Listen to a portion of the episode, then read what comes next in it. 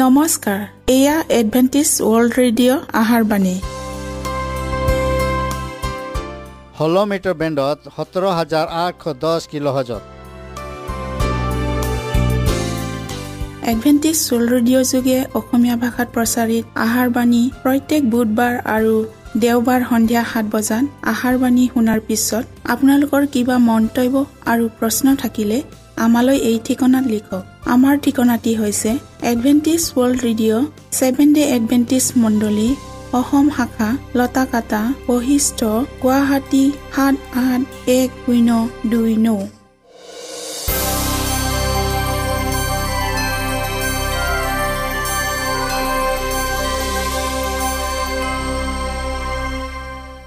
প্ৰিয় শ্ৰোতা বন্ধুসকল এতিয়া শুনো আহক এটি খ্ৰীষ্টীয় ধৰ্মীয় গীত।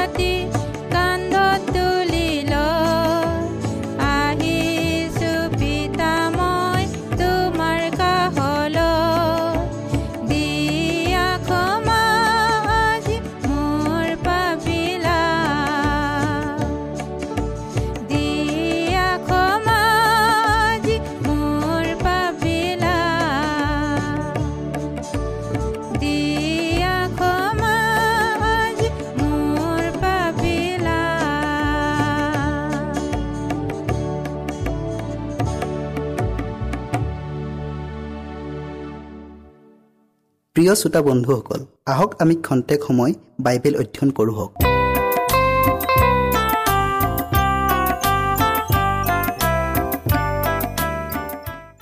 আজিৰ বিষয়ো হৈছে অতি গুৰুত্বপূৰ্ণ বিষয় নৰক কি আৰু ক'ত?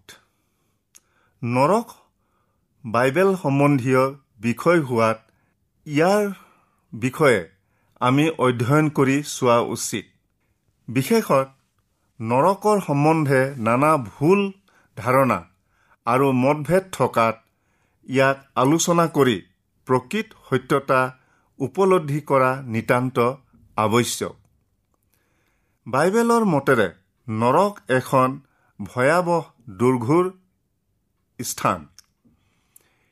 কিন্তু নৰক কি ক'ত আছে কেতিয়া হ'ব আৰু ই কেনে ধৰণৰ ঠাই। সেই সকলো বুজিবৰ হ'লে গোটেই বাইবেল শাস্ত্ৰত নৰকৰ বিষয়ে যি বিৱৰণ আছে তাক অধ্যয়ন কৰিলেহে ইয়াৰ তত্ত্ব উলিয়াব পৰা যাব। গ্ৰীক আৰু ইব্ৰিয় বাইবেল শাস্ত্ৰৰ পৰা অনুবাদিত কৰা বাইবেলৰ শব্দবোৰৰ অৰ্থ আৰু ভাৱ ভাষাৰে সৈতে শব্দাৰ্থ কৰি বুজনি ল'বলৈ গ'লে ভুল ধাৰণাৰ সৃষ্টি হোৱাৰ সম্ভাৱনা থাকে। যেনে ইব্ৰী শব্দ চিউল ইংৰাজী বাইবেলত একত্ৰিছ বাৰ হেইল বা নৰক বুলি অনুবাদ কৰা হৈছে। কিন্তু ইয়াৰ আচল অৰ্থ মৈদাম বা মৰিশালী। এইদৰে গ্ৰীক শব্দ হেডিছ দহ বাৰ উল্লেখ আছে। হেইল বা নৰক বুলি অনুবাদ কৰা হৈছে। যদিও ইয়াৰ প্ৰকৃত অৰ্থ মৈদাম বা কবৰ। গ্ৰীক শব্দ জেহান্না বাৰ বাৰ নৰক বুলি অনুবাদিত হৈছে। এই শব্দটোৰ পৰাই বাইবেল তত্ত্ববিদ পণ্ডিতসকলে নৰকৰ কাল্পনিক চিত্ৰাংকন কৰিছে। জেহেন্না এখন অনবৰত জুই জ্বলি থকা ঠাই। জিৰচালেম অন্তৰ্গত হিন্নম উপত্যকাৰ এই ঠাইখন আছিল আৰু নগৰৰ আটাইবোৰ আৱৰ্জনা পুৰি দগ্ধ কৰিবলৈ ইয়াত পেলাই দিয়া হৈছিল। এই আৱৰ্জনাবোৰ নিতৌ পেলোৱাত ইয়াৰ জুই নুনুমাইছিল। বাইবেল অধ্যয়ন কৰিলে বুজা যায় যে বাইবেলৰ নৰক এনে ধৰণৰেই স্থান। ঈশ্বৰে স্বয়ং সুস্পষ্টকৈ কৈছে তুমি সিবিলাকক কোৱা প্ৰভু জীহুৱাই কৈছে মোৰ জীৱনৰ শপত দুষ্টৰ মৰণত মই সন্তোষ নাপাওঁ। দুষ্টক শাস্তি দিয়াটো ঈশ্বৰে নজনা নুশুনা কাৰ্য। তেওঁ শাস্তি দিবলৈ ঘীন কৰে। মানুহৰ অবাধ্যতাই শাস্তি দিবলৈ তেওঁক বাধ্য কৰাইছে। তথাপি তেওঁৰ দণ্ডবিধি এনেভাৱে হ'ব যে তাতো তেওঁ প্ৰেম আৰু সুবিচাৰ গুণ প্ৰকাশ পাব। প্ৰশ্ন হৈছে নৰক আছেনে? উত্তৰত ক'ব পাৰি অৱশ্যে আছে। যীশুৱে নিজেই কৈছিল দুচকুৱা হয় অগ্নিময় নৰকত পেলোৱা হোৱাতকৈ এচকুৱা হয় জীৱনত সুমুৱাই তোমাৰ ভাল। যীশুৱে কৈছিল যেতিয়া তোমালোকে আব্ৰাহাম ইছাহাক জাকুব আৰু ভাওবাদী সকলোকে ঈশ্বৰৰ ৰাজ্যত থকা আৰু নিজকে বাহিৰত পেলোৱা দেখিবা তেতিয়া সেই ঠাইত ক্ৰদন আৰু দাঁত কৰচনি হ'ব। এই নৈৰাশ্যৰ অভিজ্ঞতাক বাহিৰৰ অন্ধকাৰ ঠাই বুলিও কোৱা হৈছে। নৰক কাৰ কাৰণে? শেষৰ সুদবিচাৰত মানুহ জাতিক মেৰ আৰু ছাগলীৰ উপমাৰে দুভাগত বিভক্ত কৰি দেখুওৱা হৈছে। মেৰবোৰ ধাৰ্মিক লোকসকল। তেওঁবিলাকক খ্ৰীষ্টীয়ৰ সোঁহাতে গোটোৱা হলত আৰু চাকবোৰ দুষ্টবিলাক।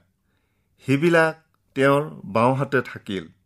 তেতিয়া তেওঁ বাওঁফালে থকাবোৰক ক'ব হেৰৌ হাৱে পোৱাহঁত ছয়তান আৰু তাৰ দূতবোৰৰ নিমিত্তে যুগুত কৰি থোৱা অনন্ত জুইলৈ তহঁতে মোৰ ওচৰৰ পৰা গুচি যা হওক ডায়ুদৰ জৰিয়তে ঈশ্বৰে কৈছিল দুষ্টবোৰ চিউললৈ ওলটি যাব।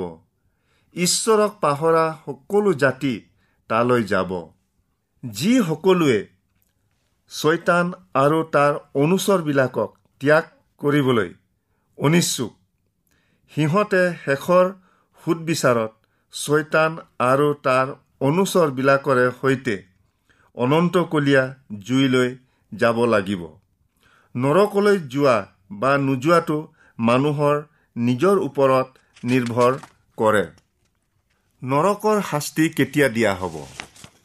এই প্ৰশ্নৰ যথাৰ্থতা আছে।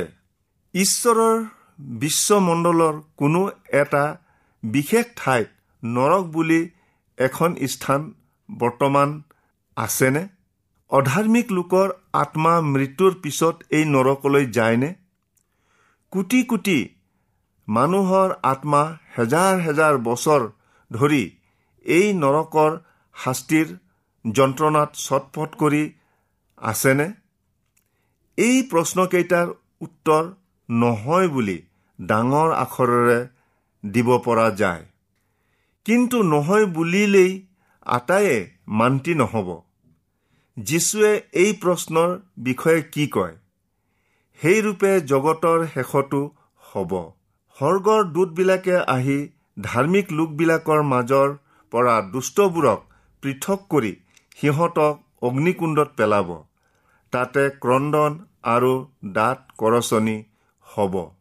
সাধু পৌলে কয় যে বৰ্তমান কালৰ আকাশমণ্ডল আৰু পৃথিৱী ভক্তিহীন মানুহবিলাকৰ বিচাৰ আৰু বিনাশ হোৱাৰ দিনলৈকে ৰক্ষিত হৈ জুইৰ নিমিত্তে সঞ্চিত আছে।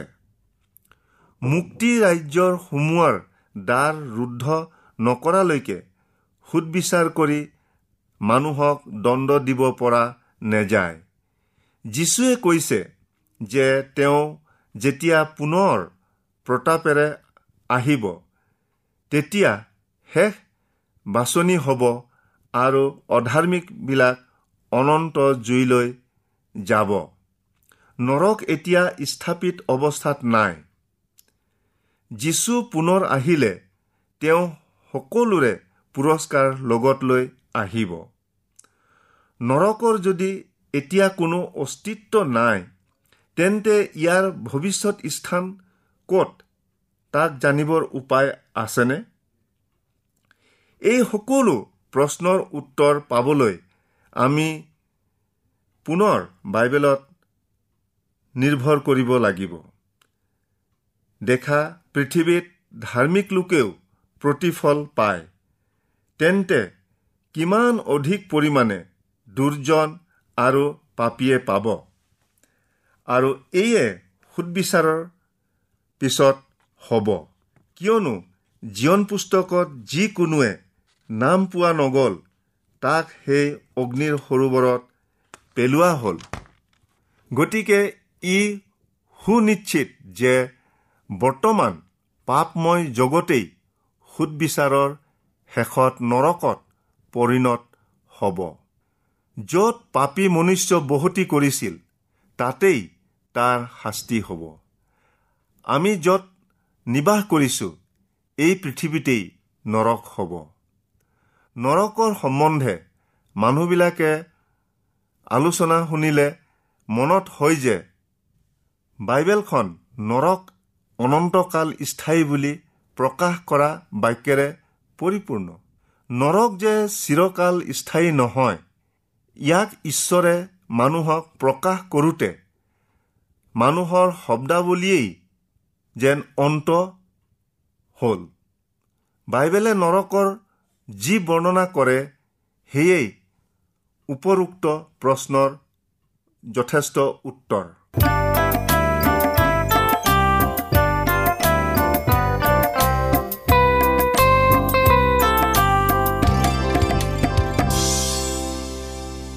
ইমানপৰে আমি বাইবেল অধ্যয়ন কৰিলোঁ। এতিয়া আকৌ শুনো আহক এটি খ্ৰীষ্টীয় ধৰ্মীয় গীত। দুষ্টবোৰক নুনুমোৱা জুইত পেলোৱা হ'ব। চডুম আৰু গমোৰাৰ সেই একেদৰে অনন্ত জুইৰে ভস্ম হৈছিল। এইবিলাক ঘটনা পৰৱৰ্তী আৰু ভাবি অধাৰ্মিক লোকবিলাকৰ আৰ্হিস্বৰূপে ঘটোৱা হৈছিল। এই নগৰবোৰ আৰু তাত থকা অধাৰ্মিক লোকবিলাক এতিয়াও জ্বলি আছে জানো? সাধু পিতৰে এইদৰে বৰ্ণনা কৰিছে আৰু চডুম ও ঘমোৰা নগৰ ভস্ম কৰি উৎপাতন ৰূপ দণ্ড দি ভক্তি উলংঘনকাৰী ভাবি লোকবিলাকলৈ আৰ্হি কৰি থলে। এই উচ্ছন্নতা এনে নিশেষ ৰূপে হৈছিল যে সেই ঠাইবোৰ ক'ত আছিল তাক এতিয়ালৈকে জানিব পৰা নেযায়।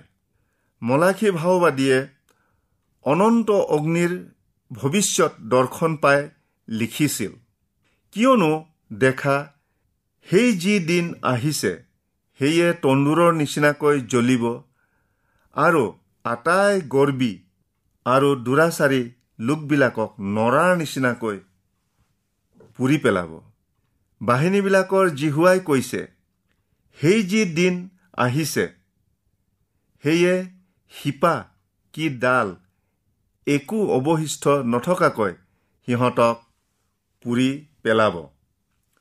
অগ্নিয়ে সোণ নষ্ট কৰিব নোৱাৰে। জুইৰে সোণক নিভাজ কৰা হয়। কিন্তু দুষ্ট লোকক সোণ বা এনেধৰণৰ চিৰস্থায়ী ধাতু পদাৰ্থৰে সৈতে তুলনা কৰিব পৰা নেযায়। নৰা বা খেৰৰ লগতহে তুলনা কৰা হৈছে। খ্ৰীষ্টে সিহঁতক ঘোলা বুলিছে। তেওঁৰ হাতত তেওঁৰ কোলা লৈ আছে।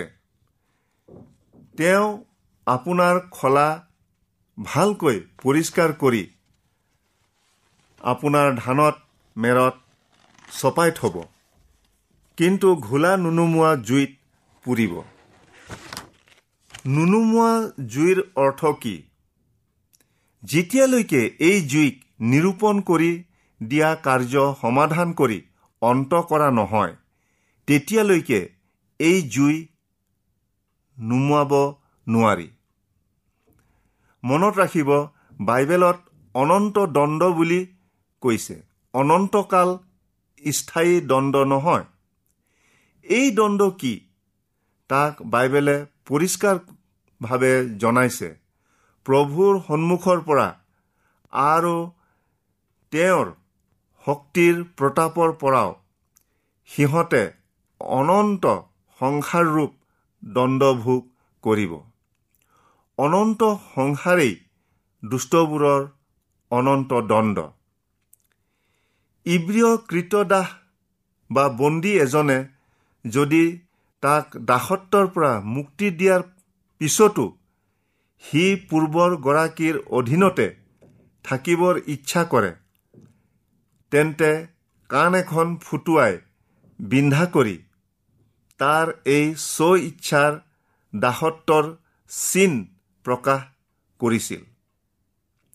আৰু সি সদায় সেই প্ৰভুৰ বন্দী হৈ থাকিব। ইংৰাজী বাইবেলত ফৰ এভাৰ বুলি কৈছে। এই সদাকাললৈকে বোলা শব্দটোৰ কাৰণেই কোনেও ধাৰণা কৰি নলয় যে সেই বন্দীজন কেতিয়াও নমৰিব। যেতিয়ালৈকে সি জীয়াই থাকে তেতিয়ালৈকে সি তাৰ গৰাকীৰ অধীনত থাকিব বুলিহে সকলোৱে ইয়াৰ অৰ্থভাৱ বুজিব। জোনা ভাওবাদীয়ে তেওঁ তিমি মাছৰ পেটৰ ভিতৰত থকা অভিজ্ঞতাৰ বিষয়ে কৈছিল মই পৰ্বতবোৰৰ মূললৈকে নামি গ'লোঁ। পৃথিৱীয়ে আপোনাৰ ডাংবোৰেৰে মোক চিৰকাললৈকে বন্ধ কৰিলে। তথাপি হে মোৰ ঈশ্বৰ জিহুৱা তুমি গাঁতৰ পৰা মোৰ প্ৰাণ ৰক্ষা কৰিলা। জোনাই যদিও এই তিমি মাছৰ পেটৰ ভিতৰত থকা সময়টো চিৰকাল বুলিছে। তথাপি আমি জানো যে সেই সময়তো মাত্ৰ তিনিদিন আছিল। সাধু পৌলে কৃতদাস অনিচিমাক তাৰ গৰাকী ফিলিমনক ওলটাই দিওঁতে কৈছিল তুমি কিজানি তাক সদাকাললৈকে পাবৰ নিমিত্তে তাক কিছু কাললৈ পৃথক কৰা হৈছিল। সদাকাললৈকে বিশেষণ শব্দই বিশেষ্য যিমান সময়লৈকে থাকিব পৰা সম্ভৱ হয় সিমান সময়কহে বুজায়। গতিকে সদাকাল বুলিলে প্ৰাণী যিমান দিন জীয়াই থাকিব পাৰে সিমান দিনকহে বুজায়। গ্ৰীক শব্দ আয়ন যাৰ বিশেষণ আয়নিয়াছ। এই দুয়োটা শব্দক সদাকাল আৰু সৰ্বদাই বুলি অনুবাদ কৰা হৈছে। আৰু পণ্ডিতসকলেও মন্তব্য কৰে যে ইয়াৰ অৰ্থ এটা সীমাবদ্ধ সময় বা কাল হ'ব পাৰে।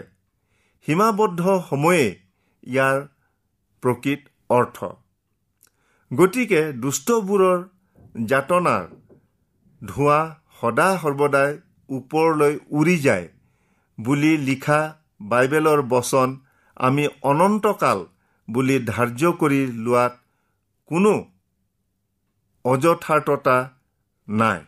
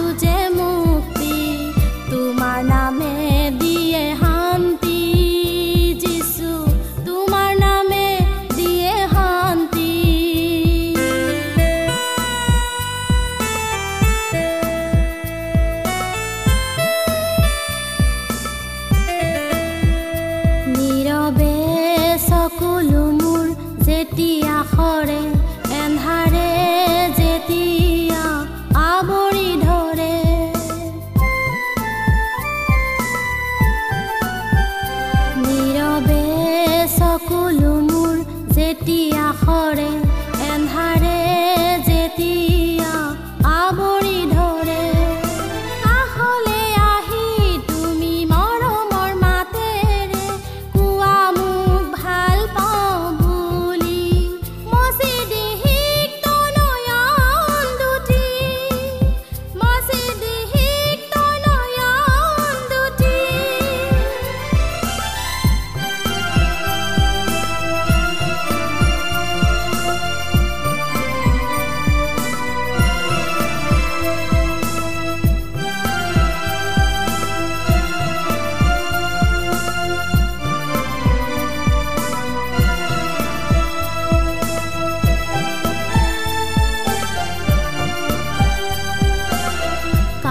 বাড়ি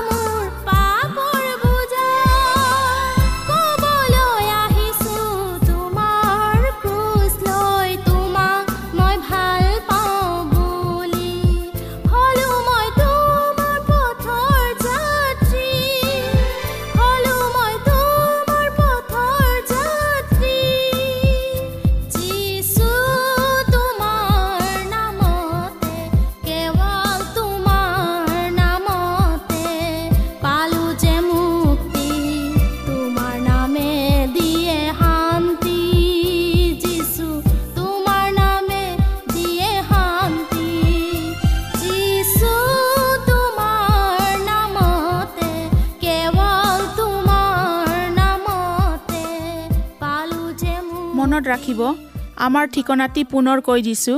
Adventist world radio' Assam region of seven day Adventist voice of hope Latakata Basistha Guwahati seven eight one zero' two nine প্ৰিয় শ্ৰোতা বন্ধুসকল এডভেণ্টিজ ৱৰ্ল্ড ৰেডিঅ' যোগে আহাৰবাণী প্ৰচাৰত আপোনালোকক পুনৰ লগ পোৱাৰ আহাৰে আজিলৈ সামৰিলোঁ। ধন্যবাদ।